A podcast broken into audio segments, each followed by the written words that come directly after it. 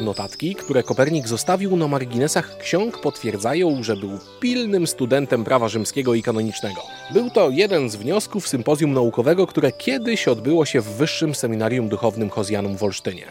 Dotychczas zidentyfikowano 523 odręczne zapiski w 10 drukowanych dziełach, które wchodziły w skład dawnego księgozbioru Kopernika. Zapiski astronoma odkryła profesor Teresa Borawska z Uniwersytetu Mikołaja Kopernika w Toruniu. Pierwsze wyniki swoich prac opublikowała w 2009 roku, ale o odkryciu stało się głośno dopiero 4 lata później. Teraz prowadzone są dalsze prace nad identyfikacją tych zapisków.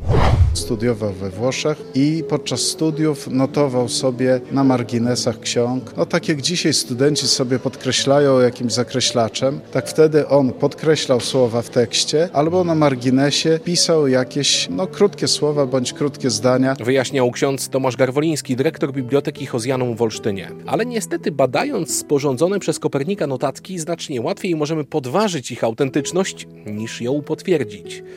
To też nigdy nie będziemy mieli stuprocentowej pewności, przez kogo zostały skreślone.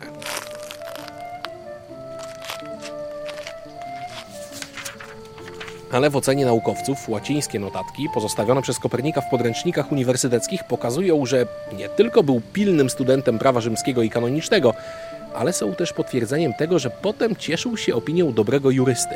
To właśnie w kodeksach prawniczych zidentyfikowano większość jego wpisów.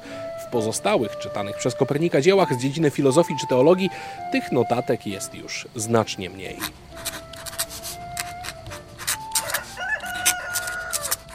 Badania potwierdziły, że Kopernik był wszechstronnie wykształcony. Pisał starannie, co może świadczyć, iż był człowiekiem bardzo uporządkowanym i dokładnym.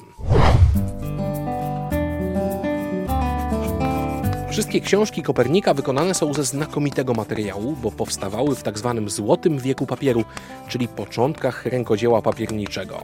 Jednak przez wiele setek lat przechowywane były w różnych warunkach i ulegały zniszczeniom, głównie spowodowanym przez czynniki biologiczne. Najczęstszym śladem, jakie pozostały w przeczytanych przez Kopernikach księgach, są odręczne podkreślenia, których autorstwo to jasne najtrudniej potwierdzić.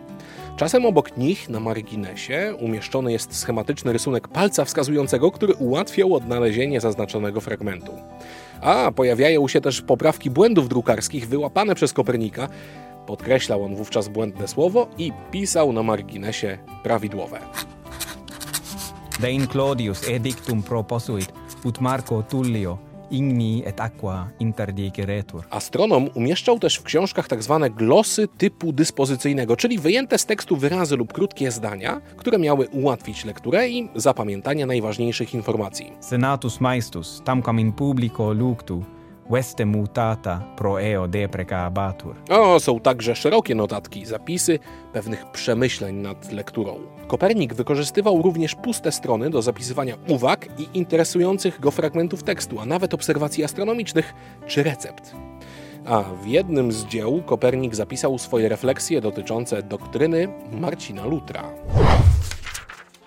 Dodajmy, że te odręczne zapiski Kopernika zachowały się m.in. w filozoficznym dziele Albrechta Wielkiego i na przykład księdze sentencji Piotra Lombarda. Odnaleziono też je w najstarszym, znajdującym się w zbiorach Biblioteki Hozjanum, wydanym w Rzymie w 1472 roku Incunabule, autorstwa dwóch włoskich kanonistów.